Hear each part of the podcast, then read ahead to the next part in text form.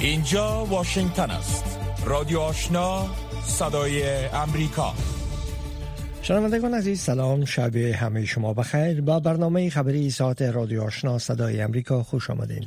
تازه ترین خبرهای افغانستان منطقه و جهان. خالد مفتون به توجه می رسانم. سلام و وقت بخیر. نماینده ویژه پاکستان برای افغانستان امروز پنجشنبه تایید کرد که تیاره حامل ایت پارلمانی آن کشور از میدان هوایی کابل برگشت داده شده است. محمد صادق در یک پیام تویتر خود نوشته است که تیاره حامل ایت پارلمانی کشورش در حال نشست بود که برج مراقبت میدان هوایی بین کابل که حال به نام آمد کرزی نیز مسما شده است از بسته بودن این میدان خبر داد. در این حال عبدالقادر زازای وطن دوست رئیس دارالانشای ولسی جرگه افغانستان به صدای امریکا گفت که در جریان کار در کنار خط پرواز مواد انفجاری پیدا شد و برای مسئولیت مسافرین نشست و پرواز تیاره ها متوقف شد. رئیس دارالانشای ولسی جرگه افغانستان گفته است که رؤسای مجلس دو کشور پس از این مشکل از طریق تلفن صحبت کردند. در این حال محمد نعیم صالحی سخنگوی اداره اوانوردی ملکی افغانستان با فرستادن پیام به خبرنگاران تایید کرد که به دلیل این مشکل پروازها از میدان هوایی بینالمللی کابل برای حدود یک ساعت متوقف شد. دفتر شورای امنیت ملی افغانستان امروز پنجشنبه گفت که گروه طالبان در برخی ولایات مدارس دینی را بستن و تلاش می کنند مدارس دینی رسمی را بیشتر مسدود کنند. شورای امنیت ملی افغانستان با نشر اعلامیه گفته است که طالبان در ولایت الدوگر و ولسوالی غوربند ولایت پروان مدارس دینی را بستن و شاگردان این مدارس از آموزش محروم شدند. پیش از این شورای امنیت ملی افغانستان گفته بود که گروه طالبان در لوگر استادان 36 مدرسه دینی شاگردان این مدارس و خانواده های آنان را تهدید کرده بودند که در نتیجه 7500 شاگرد مدارس دینی از آموزش باز ماندند. گروه طالبان تا حال در مورد ابراز نظر نکرده است. یک روز پس از حملات راکتی بر میدان هوایی قندهار طارق آریان سخنگوی وزارت داخله افغانستان امروز پنجشنبه به خبرنگاران گفت که هنوز هم از تلفات این حملات راکتی خبر در دست نیست. قندار جزیات ابتدایی امو است که شلیک آوان صورت گرفته ولی تلفات همکارا تلفات و جزیات نهاییش که آیا تلفات داریم نداریم؟ برتان مطلق شریک می در این حال وزارت دفاع ایالات متحده حمله راکتی گروه طالبان بر میدان هوایی قندار را محکوم کرده و گفته است که چنین حملات فرصت مذاکرات صلح را مختل می سازد. جان کربی سخنگوی وزارت دفاع ایالات متحده به خبرنگاران گفته است که این حمله راکتی منجر به خسارات با طرفات نشده اما افزود که این تحریک خشونت آمیز طالبان روند صلح افغانستان را اخلال می کند. او تاکید کرده است که قوای امریکایی مستقر در افغانستان عقد دفاع از خود را دارد. بر اساس معلومات پنتاگون در حال حاضر 700 تن از سربازان امریکایی و ماموریت حمایت قاطع در میدان هوایی قندهار مستقرند. ولادیمیر پوتین رئیس جمهور روسیه امروز پنجشنبه اوکراین را به اقدامات تحریک‌آمیز در شرق آن کشور متهم کرد. کرملین گفته است که آقای پوتین این موضوع را در جریان یک تماس تلفنی با انگلا مرکل صدراعظم آلمان بیان کرد و گفت که اقدامات اوکراین اوضاع را در شرق آن کشور شعلهور خواهد ساخت. کرملین با نشر اعلامیه گفته است که رهبران روسیه و آلمان در مورد وضعیت در شرق اوکراین ابراز نگرانی کردند.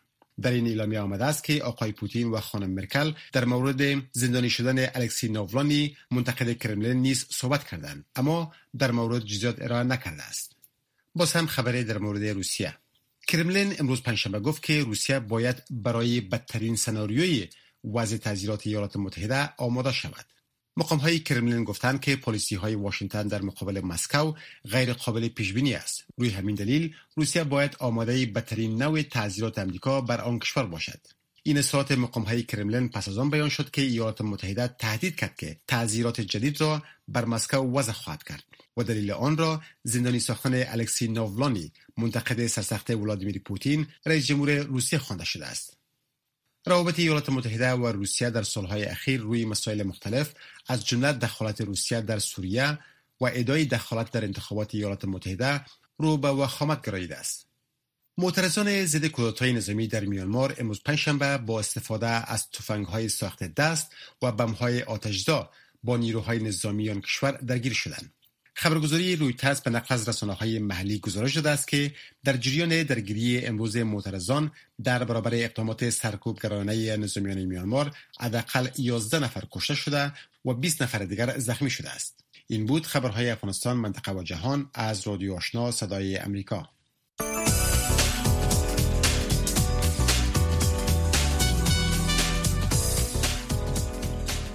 و شما همه شما بخیر شنونده های عزیز من قدیر مشرف هستم و تک تک شما را به شنیدن برنامه صحی رادیو آشنا روی موج 100.5 فم و موج متوسط 1296 خوش آمدید میگم.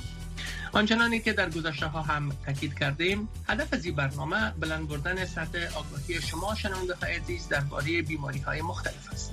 شنوندگان گرامی سازمان جهانی صحت با نشر اعلامیه به تاریخ هفتم ماه اپریل ضمن یاددهانی از روز جهانی صحت از مردم جهان خواسته تا در تلاش جدید برای ساختن یک جهان عادلانه تر و صحی تر با این سازمان بپیوندند. سازمان جهانی صحت هفتم اپریل هر سال با عنوان روز جهانی صحت تجلیل می کند.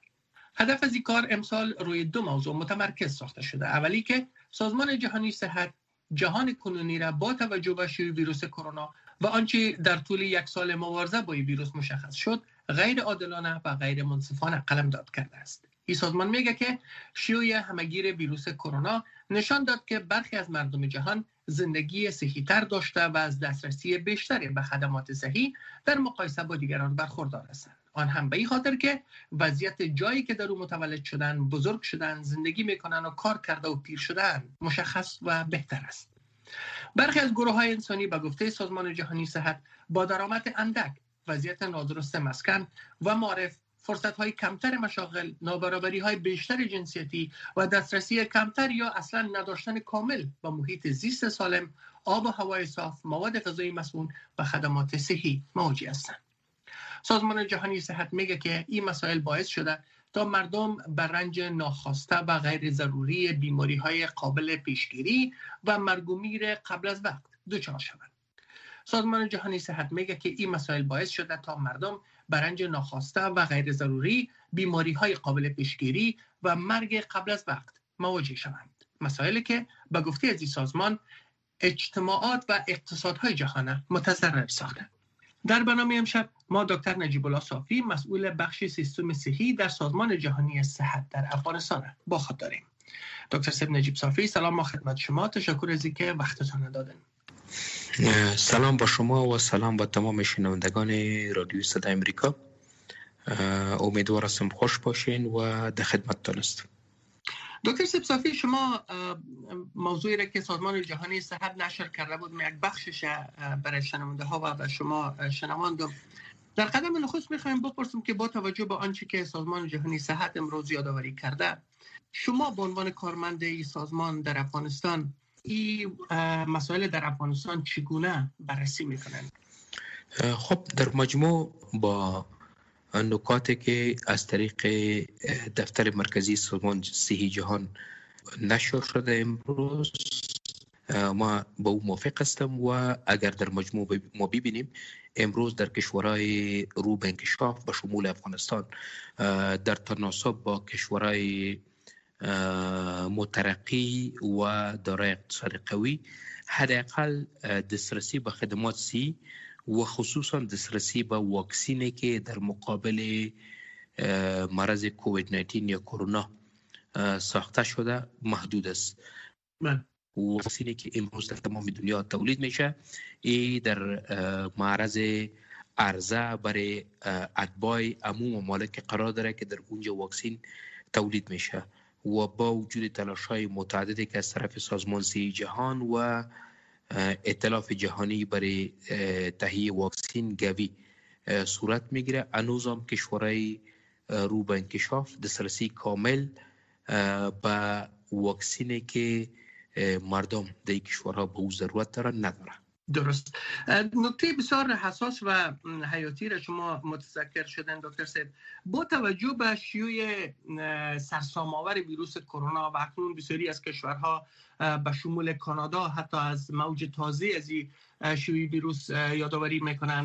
مقامات صحی افغانستان هم هشدار دادن که در برخی از ولایات موج تازه ویروس کرونا را شاهد بودند اگر امروز چون روز جهانی صحت است خوب است که موضوع را عنوان کرده و بگوییم اگر مقدار کافی واکسین در مدت زمان مشخص به کشورهای رو به انکشاف که اونا زندگی کتلهی دارن اجتماعی دارن در خانه ها به گونه اجتماعی زندگی می‌کنن و نمیشه جلو اجتماعات بزرگ در مناطق گرفت نرسه. آیا فکر نمی‌کنین که حتی توزیع از واکسین به کشورهای بزرگ جهان هم نتونه کار را انجام بده مگری که با گفته سازمان جهانی صحت یک سیستم عادلانه تر و شفافتر را باید روی دست گرفت؟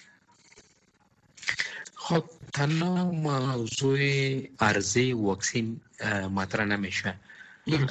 بنابر پایین بود و معلومات در کشورهای رو به انکشاف با شمول افغانستان تقاضا برای اخذ واکسین هم به حد کافی وجود نداره و با وجود از که واکسین در کشور موجود است ولی یک تعداد از کسایی که باید واکسین بگیره با شمول یک از کارمندای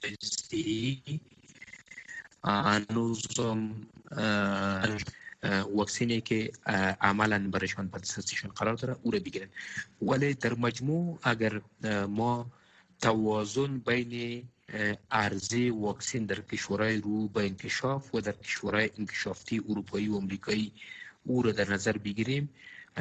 عرضه واکسین در کشورهای رو به انکشاف در تناسب با کشورهای انکشاف یافته با مراتب کمتر است و محدودیت هایی که از طرف کشورهایی که در اونجا واکسین ساخته میشه بالای صادر نمودن واکسین به کشورهای متعدد وضع شده نشان دهنده که یک عدم توازن به عدالتی در تقسیم واکسین بین کشورهایی که می‌تونن برای از پول پرداخت کنن و در بین کشورهایی که عملا نمی‌تونن برای خرید واکسین پول پرداخت کنن و از طریق مراجع مختلف با شمول فسیلیتی که از طریق یا سهولتی که از طریق سازمان سی جهان یونیسف و گوی ایجاد شده که به نام کوواکس یاد میشه. بله. این نشان دهنده از است که در این کشورها هنوزم به حد کافی واکسین به دسترس مردم قرار نداره. و در مجموع اگر از مسئله پاندمی در تمام جهان صحبت کنیم حتی اگر کشورهای انکشاف یافته تمام افراد خود هم واکسین کنن ولی کشورهای رو به انکشاف هنوزم یک قسمت از همین نفوسشان بدون از اینکه به واکسین دسترسی داشته باشند امی شکل دوام کنه. مسئولیت تمام برای تمام افراد روی کره زمین به وجود نخواهد آمد و بدون از اینکه واکسین به شکل عادلانه در تمام کشورهای جهان بدون از اینکه توانایی پرداخت در نظر بگیریم در خدمت مردم قرار نگیره. امی حالت موجودی که در دنیا وجود داره ای به هیچ وجه قابل ختم نمی باشه. شما به عنوان مسئول بخش سیستم صحی در سازمان جهانی صحت در افغانستان آیا این نگرانی را با مقامات بین المللی به ویژه در خصوص افغانستان مطرح ساختن؟ پاسخ از اونا در این مقطع زمانی بر شما چی بوده دکتر سبسافی خب در مجموع واکسینی که فعلا در افغانستان مطرح واکسینی است که در کشور هند تولید میشه و. این موضوع به مراتب با ادارات بین المللی صحبت شده بحث می بوده که مذاکرات به شکل دوامدار با حکومت هند موجود است و مشکلی که فعلا در قسمت عرضه واکسین برای کشورهای مثل افغانستان موجود است. ایره در یک تفاهم با حکومت هند. در بحث است و امیدوار هستیم که مشکل به زودی حل شود. ولی در حالت مشابه میتونیم بگوییم که هنوزم ما در افغانستان به حد کافی واکسینی که تقریبا 500 هزار دوز از طریق کشور هند به افغانستان کمک شده بود و در حدود 4 لخ هزار دوزی که از طریق فسیلیتی کوواکس که سازمان سی جهان هم جز ازوس معرض خدمت در برای هموطنان ما قرار داده شده که جمعا 9 لک هزار دوز واکسین در کشور موجود است و از این جمله 100 هزار دوز تا امروز تطبیق شده. بنان تشویش فوق العاده زیاد هنوز هم نداریم و امیدوار هستیم که پیش از که ما در حدود 900 هزار دوز واکسینی که در کشور عملا موجود است پیش از اینکه تطبیق کنیم. سپلای بعدی یا دور بعدی واکسین به افغانستان خود رسید از بین کارمندان صحی و همچنان از قوای مسلح و کارمندان دولت شما به عنوان مسئول صحی سازمان جهانی صحت در افغانستان راضی هستن از سیستم تطبیقش از سرعت تطبیقش و از برنامه‌دهی و سازماندهیش در مجموع چون ای آغاز یک برنامه فوق العاده کلان ملی بوده بله. و در شروع به اندازه که باید ما تیمای به خاطر تطبیق واکسین می داشتیم نداشتیم. این پروسه را اندک به کندی انداخت. ولی امروز و در جریان چند روز گذشته تعداد کارمندای صحی که به خاطر تطبیق واکسین کرونا در افغانستان موظف ساخته شدن به حد کافی است و تقریبا در حدود هزار تیم که دو دو هزار واکسیناتور کار می‌کنن و 50 فیصد از او طبقه اوناس است. عملا به کار شروع کردن و در جریان چند روز گذشته میزان تطبیق واکسین به مراتب از روزهای قبلی بیشتر است. و به اساس ما توقع داریم که بتانیم در جریان روزهای آینده گروپ هایی که به اساس اولویت بندی مشترک بین سازمان سی جهان و وزارت صحت عامه به حیث اولویت و تعیین شدن بر از و واکسین تطبیق شود که در اون جمله کارمندای صحی استادای پانتون و مکتب و همکارای که در صفوف قوای امنیتی کار میکنن ایره در بر میگیره و در پالوی از کسایی که عمرشان از 50 سال بالاست و میتونند که به امراض متعدد مزمن مختلف مصاب باشند و هم در این جمله شامل هستند طبق ارقام آخری که ما امروز بعد از ظهر دیدم تقریبا در حدود افتاد هزار کارمند صحی یا کسایی که در سکتور صحت کار میکنن و عملا واکسین دریافت کردن که یک بله. رقم درشت است و امیدوار هستم که تعداد باقی مانده که کمتر از سی یا چل هزار و مختصا در سکتور خصوصی بله. کار میکنن و هم بتانن در روزهای آینده دوزای مربوط به واکسین خود بگیرن. فکر میکنم سرعت تطبیقش برای کارمندای صحی مناسب است متناسب است ولی برای باقی گروپ هایی که در اولویت قرار داده شده هنوز هم ضرورت به است که ما به حد کافی امرای هموطنهای خود کار کنیم تا وارا آماده بسازیم برای گرفتن واکسین بله. واقعا یک مشکلی که ما حتی در می خود امریکا هم مشاهده می‌کنیم. نه تنها در بین افغان های ساکن در امریکا دکتر سب صافی که در بین امریکایی های اصیل از این کشور او موضوع گرفتن واکسین است که هنوز هم یک سلسله شک و های وجود داره که آیا این واکسین بگیریم یا نگیریم. مثلا ما با یکی از دوستایم صحبت می‌کردم هفته گذشته روز شنبه گفتم واکسین تا گرفتی؟ گفت که من صحت دارم چرا باید یک واکسین ناق در دست خود زرق بکنم. من از شما به عنوان یک مسئول سازمان جهانی صحت به عنوان یک دکتر گفتنیتان در کل برای امی گروه مردم چی است؟ کسانی که شرایط واکسین برشان مهیا است بنابر هر دلیله حالا یا کارمند سیستن یا در بخش وزارت معارف کار می‌کنن یا در بخش خدمات عامه کار می‌کنن یا در بخش اردو کار می‌کنن یا در هر بخش دیگه که در جمله خط مقدم هستن. و اگر امروز خط مقدم نیستن دکتر سبسافی فردا نوبتشان می‌رسه آیا واکسین فعلا حیاتی شمرده میشه؟ خب در مجموع تشویش های در بین کارمندای صحی حداقل در یک بخش از کارمندای صحی و مردم عام موجود بوده و موجود است و این تنها تشویش ها مربوط به افغانستان نمیشه بلکه مربوط به تمام تشویش های مشابه در تمام دنیا وجود داره و تبلیغات نامناسبی از طرف افراد مختلف گروه های مختلفی که در تمام دنیا بر علیه واکسین فعالیت میکنن. به شمول ازی که شاید واکسین سبب اقامت شود یا شاید واکسین سبب تغییرات ژنتیک در بله. افراد شوه و امثال ازی این. تبلیغات وجود داره ولی تبلیغات همه کدام اساس علمی نداره و بیبنیاد است. و ما فکر میکنم که بدون از که یک قسمت اعظم از مردم در افغانستان و در تمام دنیا حداقل 70 تا 80 درصد مردم اگر واکسین کرونا را نگیرن امی مشکل بینالی که در از از یک سال به این طرف از دسامبر 2019 تا حال به این طرف دوام داره این دوام خواهد کرد. و به خاطر از که امی پاندمی موجود کنترل شده باشه برای تطبیق واکسین باید تدابیر وقایوی دیگه که به شکل متواتر در باره از صحبت شده با شمول استفاده از ماسک استفاده از فاصله اجتماعی یکونیم تا دو متر بین افراد. اجتناب از تجمع گروهی در مناطق و همچنان مراعات حفظ الصحه و شستن مکرر دستها با شکل متواتر. اگر استفاده نشه ما مطمئن هستم که ما نمیتونیم که جلوی پاندمی موجوده در دنیا و در افغانستان بگیریم.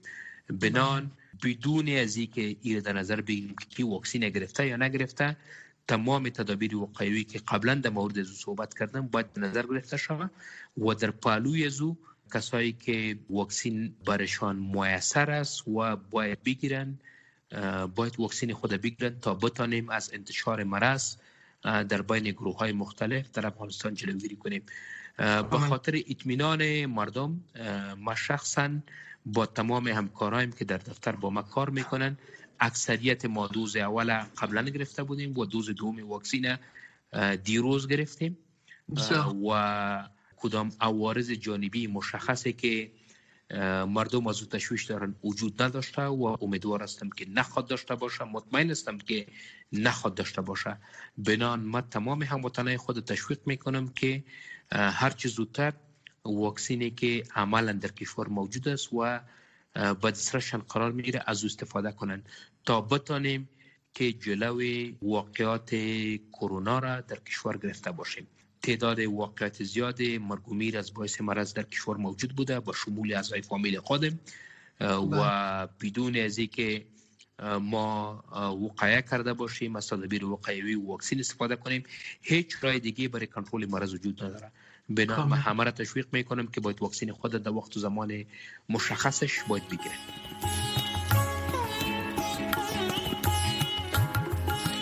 السلام علیکم و رحمت الله و برکاته اسم ما محمد اقبال حسینی رئیس مسجد مبارک مصطفی صلی الله علیه و سلم در ایالت ویرجینیا. حد اکثر کوشش کنین که دستای خود را با صابون آب گرم روز چند بار بشوین مکررن. اگر مجبور باشید که شما بیرون تشریف ببرید کوشش کنید که ماسک داشته باشین. تا خدای ناخواسته این میکروب که توسط تنفس داخل دماغ و دهن میشه شما به این مصیبت دچار نشوید. باز هم اگر مجبور می باشین اما فاصله قانونی را بین هر دو شخص مراعات بکنین و در جاهای ازدهام لطفا تشریف نبرید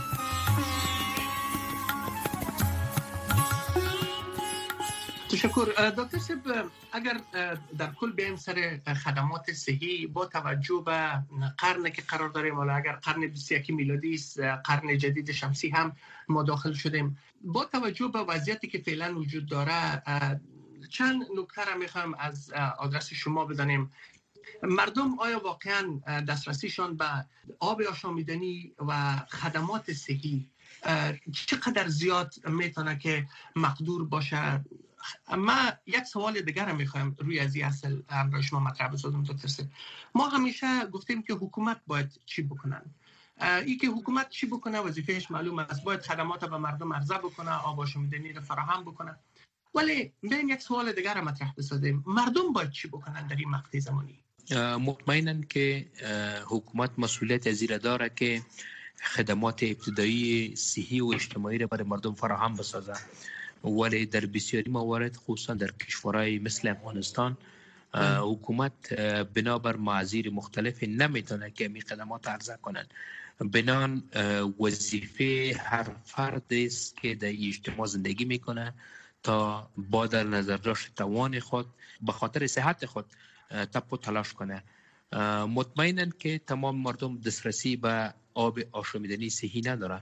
ولی هموطنای ما که در اطراف زندگی می‌کنه در صورتی که آب از چشمه می‌گیرن از دریا می‌گیرن و او را به خاطر نوشیدن از او استفاده می‌کنن.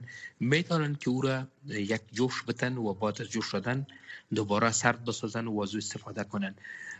ما فکر می‌کنم که در تمام موضوعات مربوط به صحت عامه تنها حکومت و موسسات بلی نمیدانه که با تنهایی خود بدون همکاری مردم موفق باشند بنان به خاطر از که ما از صحت خوبی در سطح جامعه برخوردار باشیم یک همکاری متوازن بین کارمندای سکتور صحی کارمندای ادارات بین‌المللی و مردم ضروری می باشد ما فکر می کنم که اگر مشخصا مثلا با ارتباط کرونا صحبت کنیم اجتناب از گرد همایی های جمعی استفاده از ماسک استفاده از مراد کردن فاصله اجتماعی شستن مکرر دست ها این زیادتر چیزایی است که مربوط به خود افراد میشه.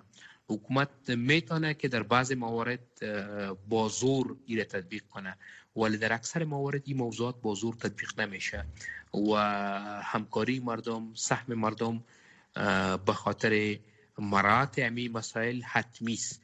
و بدون سهم مردم ممکن نیست که ما خصوصا در واقعیتی که اوتبریک باشه پاندمی باشه ایره تنها حکومت و مراجع بین‌المللی ایره کنترل کرده بتانه سهم مردم حتمی است و باید به نوبه خود به خاطر حفظ الصحه لازم اشتراک کنند به خاطر اخذ واکسین و باقی مسائلی که در وقایع امراض و انتشار امراض از یک فرد به فرد دیگه کمک کرده میتونه باید سهم جدی و فعال بگیرن. در غیر از او بدون سهم مردم کنترل اوتبریک و کنترل پاندمی ممکن نیست بله. دکتر سپ سوال آخر. اگر از پیش شما خواسته باشیم و پیشواز از روز جهانی صحت به عنوان یک کارمند جهانی صحت برای مردمتان یک پیام داشته باشیم او پیامتان چی خواهد بود خب در مجموع پیام ما می‌خواد بود که از تمام مردم خصوصا هموطنان در افغانستان خواهش کنم که حفظ صحه فردی و اجتماعی را مراد کنند به خاطر از که ما کرونا را کنترل کرده باشیم از به شکل دوامدار خصوصا در مناطقی که در اونجا مردم تجمع میکنن از ماسک استفاده کنن به شکل متواتر دستای خود بشوین و همزمان بایی در صورتی که اعراض و علائم مرض در نزدشان بروز میکنه به کارمندای صحی به مراکز صحی مراجعه کنن و برای گروپ هایی که معروض به خطر هستند و واکسین برشان در مراکز صحی متعدد در تمام کشور به دسترسیشان به شکل رایگان قرار گرفته. باید واکسین خود بگیرن تا بتانیم ما در افغانستان از فاجعه بادی و وقوع مرض جلوگیری کنیم. بدون همکاری مردم کنترل مرض کرونا و امراض انتانی متعدد دیگه امراض ساری متعدد دیگه که با شمول سالات و امراض طرق تنفسی وجود داره. تناوز سنج نمی‌تونه که جلوگیری کنه. بنابراین ما از تمام هموطنان خود خواهش می‌کنم که به مشوره های کارمندای صحی توجه کنن و به او عمل کنن تا بتانیم کشور خود از کرونا و امراض ساری دیگه نجات داده باشیم. دکتر سید نجیب الله صافی مسئول بخش سیستم صحی در سازمان جهانی صحت در افغانستان. جهان سپاس از وقتتان. و که در برنامه همراه حضور پیدا کردید تشکر شما و تشکر شنونده رادیو صدای امریکا. امیدوار هستم که روز را شاهد باشیم که در افغانستان دیگه کسی از امراض ساری و امراضی که قابل وقایع است فوت نکنن و به او مصاب نشد شنونده های عزیز ای بود صحبت ما با دکتر سب صافی مسئول بخش سیستم صحی در سازمان جهانی صحت در افغانستان. برنامه ای هفته صحت در اینجا به پایان می‌رسه ولی پای رادیو هایتان باشین. نشرات رادیو آشنا. ادامه داره خدا نگهدار.